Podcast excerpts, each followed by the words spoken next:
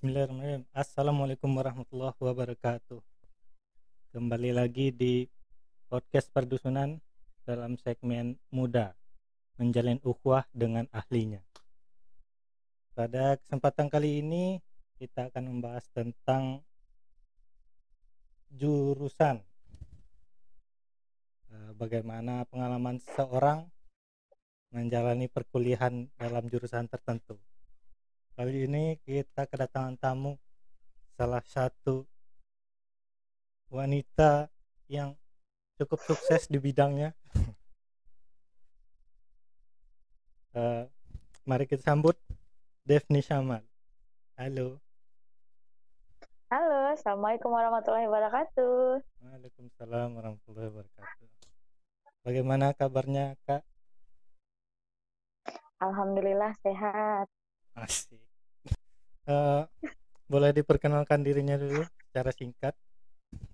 Halo Pedusunan, perkenalkan nama saya Devni Samal, bisa dipanggil Devni. Eh, jurusan yang saya ambil, sebenarnya ini bukan jurusan impian saya, akan tetapi karena udah ibaratnya udah basah ya udah langsung aja karena udah basah ibaratnya kita di kolam renang kalau udah basah udah langsung aja nyebur ke kolam renang ya dan jurusan saya yaitu adalah bahasa Inggris Asik asik. Eh, seperti yang sudah disampaikan, jadi Kak Devni ini eh, dulu berkuliah di jurusan bahasa Inggris di STEK di iya di STKIP Yayasan Dharma Bakti Lubuk Alung. Mantap. Dan sekarang menjadi guru di Uh, Alhamdulillah sekarang mengajar di SMA. Uh, sekarang itu mengajar di dua sekolah, yaitu salah satunya di SMA PGRI sama di SMP PGRI dan yang sekolah yang satunya lagi di SMKN 38 Jakarta. mantap. Sungguh sukses. Eh, Oke, kembali ke jurusan bahasa Inggris. Eh, Mhm. ini kak kalau misalnya ini kan kita eh, seolah-olah orang awam lah gitu ya bagi orang yang belum tahu jurusan bahasa Inggris ini seperti apa kalau ditanya sama orang awam jurusan bahasa Inggris itu jurusan seperti apa sih Jurusan yang seperti apa sih? Nah, ini juga pertanyaan besar juga buat saya sendiri. Bahasa Inggris itu jurusan yang seperti apa sih? Nah, saya sendiri juga lahir di padusunan dan bagi saya pribadi bahasa Inggris itu adalah ibaratnya jangankan bahasa Inggris, bahasa Minangnya aja masih banyak yang belum diketahui, apalagi bahasa Inggris. Nah, bagi saya pribadi, bahasa Inggris itu di bahasa kita itu adalah jurusan bahasanya yang mengicuah.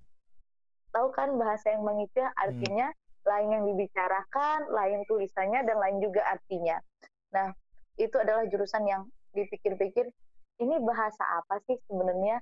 Nah, akan tetapi kita tahu bahasa Inggris itu adalah bahasa yang dipakai oleh negara mana pun atau bisa kita katakan itu adalah bahasa internasional. Jadi, kalau di orang awam seperti kita, kalau saya dulunya, bahasa Inggris itu yang saya tahu I, you, monkey, and then crazy, I love you, yes, no, only that, hanya itu. Tapi uh, setelah memasuki perkuliahan memasuki jurusan ini, akhirnya saya pribadi tahu bahwa oh yang dipelajari bukan hanya tentang bahasa itu saja, ada banyak yang dipelajari dari jurusan tersebut. berarti udah fluent lah ini ya Udah fluent. Kalau dikatakan fluent mah belum, masih banyak yang lebih fluent juga. Karena uh, kita juga tahu kan, ibaratnya banyak juga yang bilang, seapapun orang Minang, selama apa pun orang Minang, untuk bahasa Indonesia saja, kalau dia merantau, pasti logatnya bakal ketahuan. Apalagi itu bahasa Inggris, pasti akan berpengaruh sekali di logatnya. Walaupun kita udah lama ngajar atau ngomong dalam bahasa Inggris kalau fluentnya bisa dikatakan masih jauh lah, masih banyak yang lebih fluent dari saya. ya pasti orang-orang Inggris pasti lebih fluent daripada kakak Iya, orang-orang Inggris nggak usah disamakan. Mereka aja pas lahir nangisnya cry cry, nggak nangis nangis. Kalau kalau kita nangisnya gimana pas lahir Bang? Oe Emang oe. tahu nangisnya pas lahir kayak gimana? Kalau in- orang Indonesia oe oe. Oh, oe oe. Kecilnya oe oe, besarnya hiks hiks. Sebenarnya H I K S H I K S. Gitu. XS. Bukan WKWK ya? WK WK ketawa. Itu ketawa yang Oh, ketawa. tidak pernah dipraktekkan. Ketawa tidak pernah dipraktekkan. Iya. Masih ada- ambigu juga sih WKWK ketawa. Iya, nggak ada orang Indonesia yang ketawa kok kok kok kok kok nggak ada. Minimal hahaha. Nggak ada wak wak wak. Hihihi gitu ya. Hahaha hihihi. Oke, kembali ke topik. Eh, tadi kan udah dibilang juga sebenarnya bahasa Inggris ini bukan eh, jurusan impian, tapi kenapa berakhirnya di di bahasa Inggris? Ah, ini boleh cerita agak panjang. Eh bukan memang nggak memang panjang ceritanya. Mungkin Monggo. bukan buat eh, apa ya, cuma buat berbagi aja atau buat yang eh, adik-adik yang masih pengen kuliah yang akan mau melanjutkan ke jenjang pendidikan yang lebih tinggi agar nggak menyerah di awal. Eh, jadi berawal kita flashback nih ya Ya, monggo monggo. kita flashback ke tahun 2011. Uh, ibaratnya di tahun 2011 itu uh, kebetulan saya adalah siswi yang aktif juga di sekolah dan Asik. waktu itu uh, sebelum masuk ya kenapa memilih bahasa Inggris dan kenapa ada di STK PDB Lubu Alung. Nah, ibaratnya kita orang yang uh, bukan maksud nyombong ya, cuma untuk bagi yang ini pernah mungkin ada di posisi ini, selalu masuk dalam lima besar atau tiga besar, nggak pernah lepas dari itu. Kemudian kita adalah anak yang uh, bisa dikatakan juga aktif di organisasi, kemudian ibaratnya cukup dikenal oleh orang-orang dan orang-orang tahu diri kita sendiri. Dan ketika uh, di tahun 2011 itu ternyata tidak lulus melalui jalur undangan. Kemudian juga ikut tes tertulis. Nah, sebenarnya jurusan yang saya minati itu adalah uh, yang kemarin itu diambil itu adalah public speaking, kemudian ilmu komunikasi sama hubungan internasional.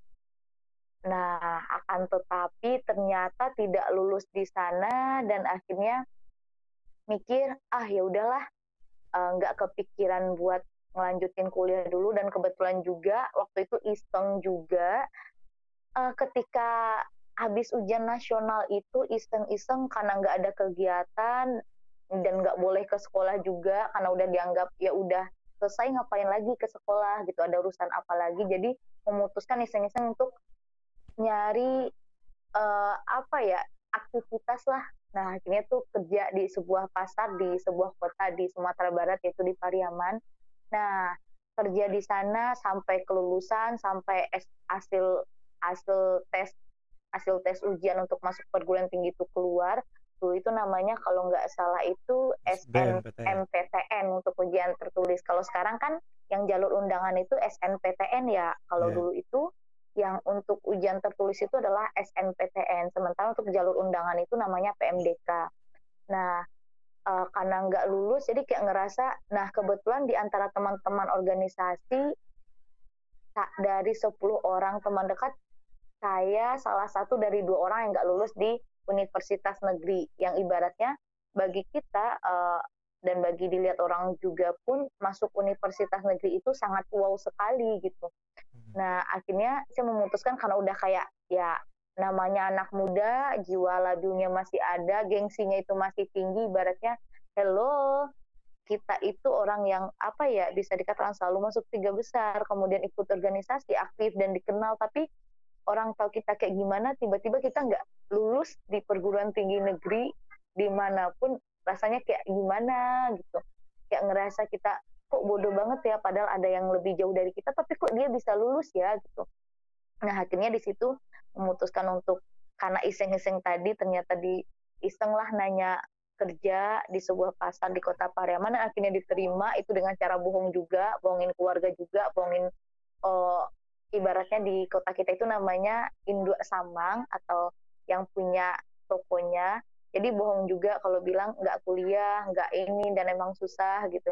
Dan akhirnya nggak ada keinginan buat kuliah. Akan tetapi pada akhirnya memutuskan kuliah ini karena ya uh, desakan orang tua juga uh, di satu sisi sebenarnya udah nggak mau kuliah lagi karena kayak udah kayak gimana ya ibaratnya nggak dapat perguruan tinggi negeri itu kayak gimana banget rasanya ntar ke depannya kalau udah nggak di perguruan tinggi negeri nanti ke depannya bakal jadi apa bakal ke mana gitu karena bagi bagi orang-orang kebanyakan orang apalagi itu di daerah di desa khususnya masuk perguruan tinggi perguruan tinggi negeri itu kayak orang yang lulus CPNS kayak pokoknya wow hmm. banget deh gitu. Right. Intinya mau dia right masuk daerah, iya kan bener gak sih? Hmm.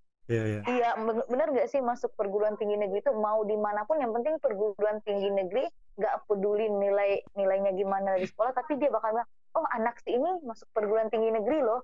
Kok anak sini enggak jadi kayak ngerasa gimana gitu ketika nggak masuk perguruan tinggi negeri.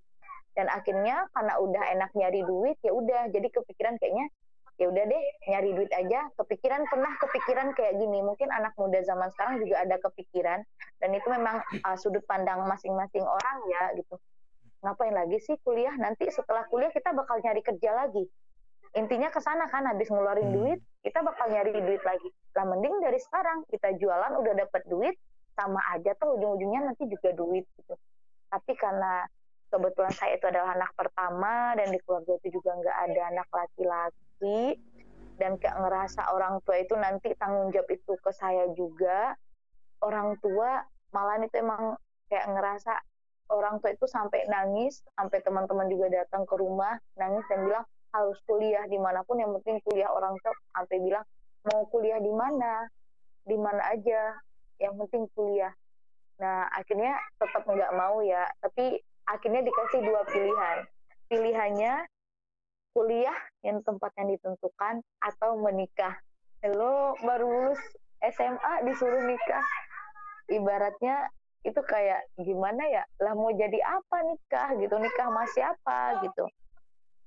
Nah, kemudian akhirnya pilihannya cuma dua itu. Nah, logikanya daripada milih nikah, ya udahlah mending kuliah aja ya udah mau kuliah di mana ya udah ayo dijamanin gitu.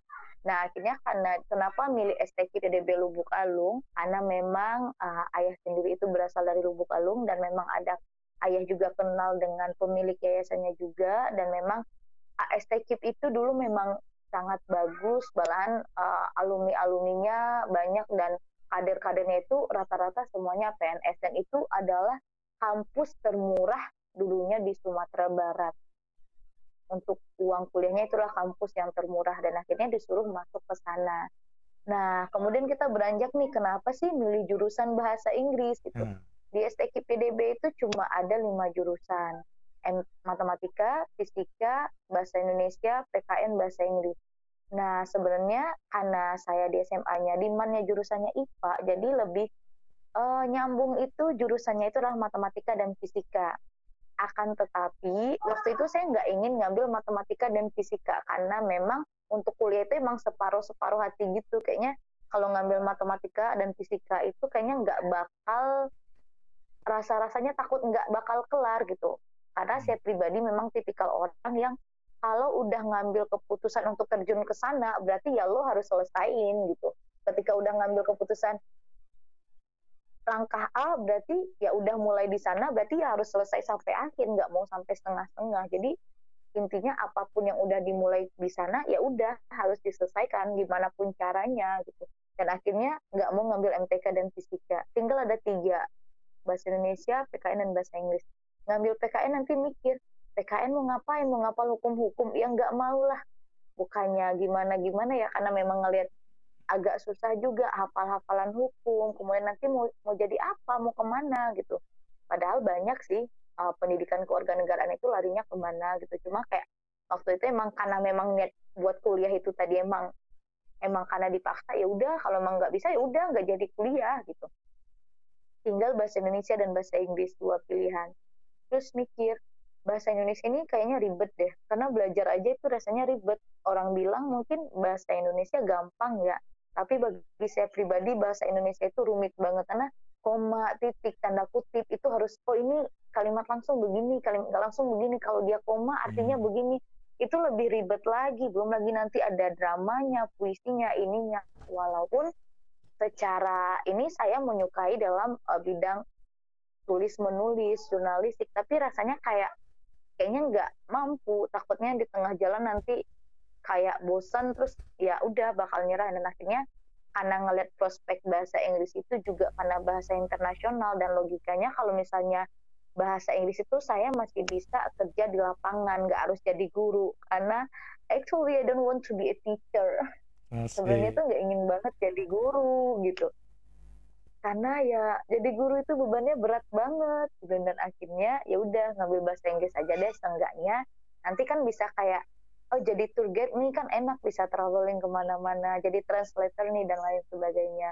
Dan ya udah akhirnya milih bahasa Inggris walaupun sebenarnya bahasa Inggrisnya bisa dikatakan oh benar-benar ibaratnya orang nggak ngerti sama sekali bahasa Inggris dan nggak suka bahasa Inggris dan malahan dulu di sekolah itu dibilang sama gurunya stupid karena saking nggak ngertinya sama bahasa Inggris karena dulu di zaman saya itu nggak ada di sekolah dasarnya itu belajar bahasa Inggris.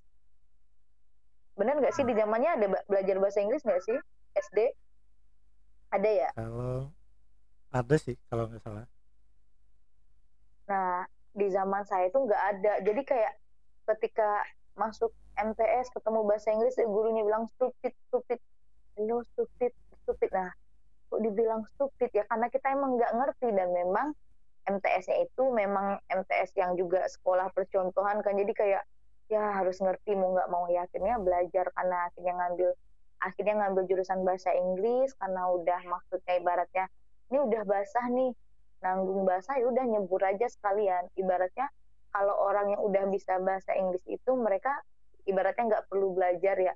Nah, kalau saya pribadi berarti saya harus mulai orang mungkin besoknya dia bisa langsung. Kalau saya berarti harus ngelihat dulu, baca dulu lebih banyak baca lagi, lebih banyak belajar lagi gitu. Cuma ya itu karena udah terlanjur masuk ya udah dan akhirnya ngambil jurusan bahasa Inggris. Nah mungkin kalau untuk ngambil jurusan kenapa bahasa Inggris mungkin ceritanya sampai di situ. Intinya itu adalah semuanya itu kayak udah di set sama orang tua dan ya tinggal ngejalanin aja ibaratnya lo itu anak pertama tanggung jawabnya itu besar. Nah kalau seandainya yang paling inget itu kalau seandainya kami nggak ada. Nah orang tua sampai bilang kayak gitu. Jadinya ya udahlah ikutin aja lah. Karena mikirnya kalau udah bahas orang tua udah nggak bisa ngapa-ngapain. Kalau seandainya kami nggak ada ya langsung otomatis yang bakal jadi tanggung jawab itu akan diserahkan bebannya ke anak pertama gitu. Jadi hmm. kayak kalau misalnya pola pikir yang dipakai adalah pola pikir yang kayak gini katanya, nanti gimana buat ini adik-adik nuntun adik-adik? Malahan pola pikir adik-adik nanti bakal lebih bagus dari kamu gitu. Dan sementara kamu itu punya tanggung jawab walaupun kata orang tua walaupun nantinya itu uh, kamu nggak suka nih sama jurusan ini sama kampus ini karena bukan kampus yang bergengsi hanya kampus swasta yang ada di salah satu kota kecil. Tapi intinya itu kata orang tua misalnya nih saya sanggup menguliahkan kamu hari ini. Saya bisa menguliahkan kamu hari ini. Mau kamu ke Jepang, Amerika, Belanda, Inggris atau ke mana pun yang kamu mau di luar negeri saya sanggup. Akan tetapi kalau dari kamunya nggak mau belajar, nggak mau membaca, nggak mau berusaha, ibaratnya emang nggak ada niat untuk ke sana, percuma saya ngulihin kamu sampai sejauh itu gitu. Tapi kamu sekolah atau kuliah di tempat kecil begitu, walaupun tempatnya kecil, lebih bagus sekolah kamu yang dulu gitu. Tapi kalau kamu benar sungguh-sungguh, kamu ibaratnya itu ya kalau mutiara dalam lumpur bakal kelihatan juga. Jadi akhirnya saya mikir oh ya udah kalau intinya itu kembali ke diri kita pribadi, bukan di mana kampusnya, siapa dosennya, apa fasilitasnya, tapi bagaimana diri kamunya. Intinya itu ke diri dulu, baru yang lainnya ngikut. Memang fasilitas, dosen dan lain itu mempengaruhi, tapi sebagus apa pun dosennya se secakep apa pun fasilitasnya seakreditasi bagus apa pun kampusnya tapi kalau dari diri sendiri itu emang nggak mau nggak niat dan nggak ada keinginannya tetap aja bakal nggak bisa gitu. Dan akhirnya ya udah eh, ngikutin apa yang udah di set sama orang tua sampai S1 itu. Ya akhirnya ya anak udah masuk ke sana ke dunia sana masuk ke perkuliahan dan bertemu banyak orang yang notabene ibaratnya menyadarkan banyak hal bahwa ibaratnya halo saya masih beruntung loh dari yang lain. Masih ada ini masih ada ini. Dan itu merubah benar-benar merubah pola pikir. Bukan berarti orang yang berpendidikan uh, selalu punya etika enggak juga. Tapi banyak sedikitnya pendidikan akan merubah pola pikir kita. Walaupun nantinya kita akan hanya akan menjadi ibu rumah tangga untuk perempuan ya gitu. Walaupun hanya akan menjadi ibu rumah tangga tapi yang dunia seperti itu tetap uh, banyak sedikitnya akan berubah pola pikir kita cara pandang kita dan ya sudut pandang kita terhadap sesuatu bakal berubah banyak atau sedikitnya. Mungkin untuk kenapa milih jurusan bahasa Inggris S1-nya itu mungkin itu dulu sampai di situ ceritanya. Panjang banget ya. Super sekali. Sungguh sebuah kisah yang sangat memotivasi